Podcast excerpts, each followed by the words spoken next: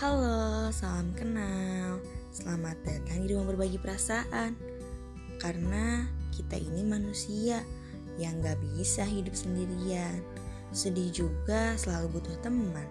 Jadi, tunggu ceritaku selanjutnya ya. Terima kasih. Salam hangat dariku.